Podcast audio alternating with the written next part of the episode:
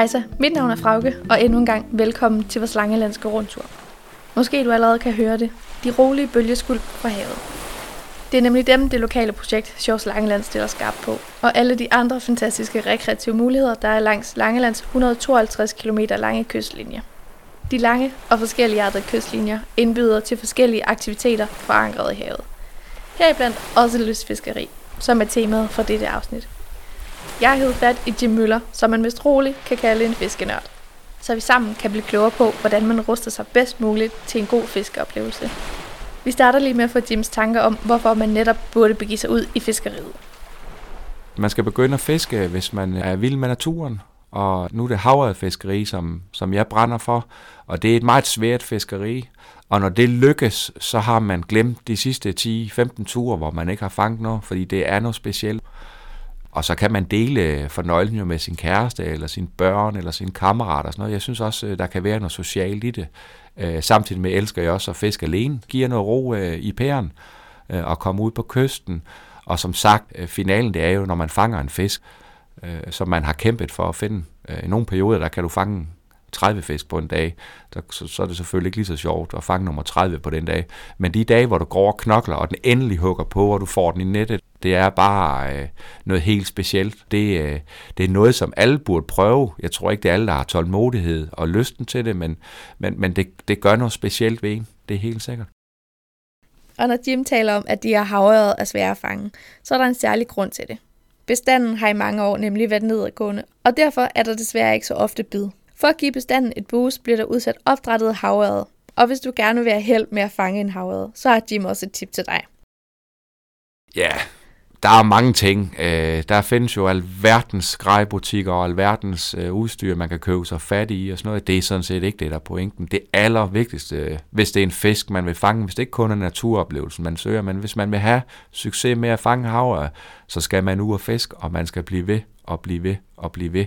Det er nok det bedste råd, jeg kan give. Så er det klart, så er der nogle forskellige øh, avn og blinke, øh, man kan fiske med kontra årstiderne og så men generelt, så handler det altså om at komme ud, også når det er koldt, også når det sneer, også når det regner, og, og komme ud og blive ved med at kaste og kaste og kaste, og så bliver man klogere på, på de forskellige pladser, man fisker. Jeg foreslår tit, øh, hvis jeg er ude at guide nogen, en to-tre pladser, så man bliver ved med at fiske, så man sådan kender forholdene med vandstand og vind og vejr, hvornår det er godt på pladserne. For hvis man kender sine pladser, så skal det nok lykkes. Det her tip gør sig nok gældende ligegyldigt, hvilken type fisk du gør dig forhåbning om at få på krogen. Hvordan man egentlig fanger sådan en ørred eller en anden fisk, er vist et temperamentsspørgsmål. Men eftersom Jim han fisker fra kysten, har han selvfølgelig også et par anbefalinger til lidt udstyr. Ja, men på Langeland, øh, der vil jeg mene, at man bør investere i et par vaders. Det er svært at fiske i kondisko, uden at få våd til på Langeland. Der er et par pladser, hvor det kan lade sig gøre, men, men, men det kræver et par vaders. Og det kan man jo få øh, for 400 kroner, og man kan få nogen til 10.000. Det er sådan, hvad man lige synes, man har budget til. Man fanger ikke mere, fordi man går i nogle dyre nogen. Det er fuldstændig underordnet. Men man skal have vaders, det er det vigtigste. Og så selvfølgelig en feststang. For hvis man har en feststang, så fanger man jo ikke noget. Og jo mere man fisker, så har man en tendens til, at man bliver lidt grejnørd, øh, og det er jeg også selv, øh, hvor man går op i. Jeg har jo øh, mange, mange blink i min kasse derhjemme, som jeg ikke har pakket ud endnu, fordi man fisker faktisk tit med en 5, 6, 8 blink måske, som man er, man er glad for, og så kører man øh, lige lidt ekstra grej, men det er jo egentlig ikke det er nødvendigt. Altså et blink og en fiskestang, det er sådan set nok. Og i vores dag, der findes der i alle niveauer, og man fanger ikke mest, øh, fordi man har det dyreste grej. Det, det er ikke sådan, det hænger sammen. Ud fra det kan vi vist godt konkludere, at Keep It Simple er en god start i forhold til udstyr. Og inden vi runder af, så skal vi også lige forbi de vigtigste tips og tricks til en nybegynder. Altså, jeg vil sige, et godt råd det er til en førstegangsfisker. Det er måske, om man har en i sit netværk, som har været ude at fiske før. Fordi køber du en fiskestang, og så kører du ud på kysten, og du ved ikke, hvordan du skal binde et blink på, og du ved ikke lige, hvordan du skal slå bøjlen over på hjul og så videre, så er det rart at have en, man lige kan kigge over skuldrene, eller som kan komme med et godt råd.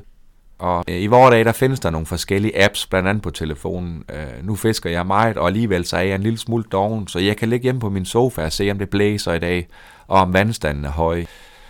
Men, men forholdene, altså øh, morgenfisker, klassisk morgenfiskeri og aftenfiskeri øh, er godt. Når temperaturen øh, begynder at falde, så er det sådan set lige meget, hvornår man tager ud, for så er fisken der.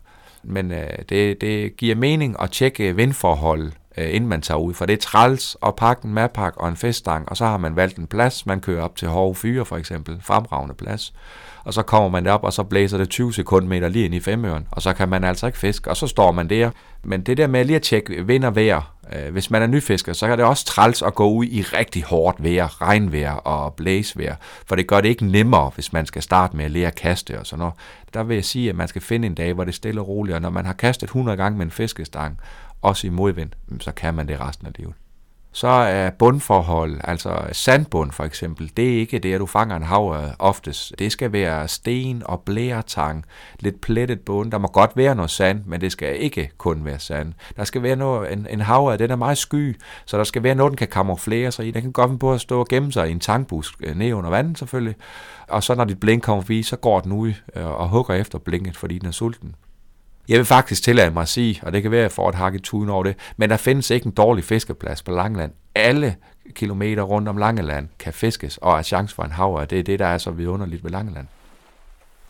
Næste gang du er på jagt efter en outdoor-oplevelse, så synes vi helt klart, at du skal tage på fisketur.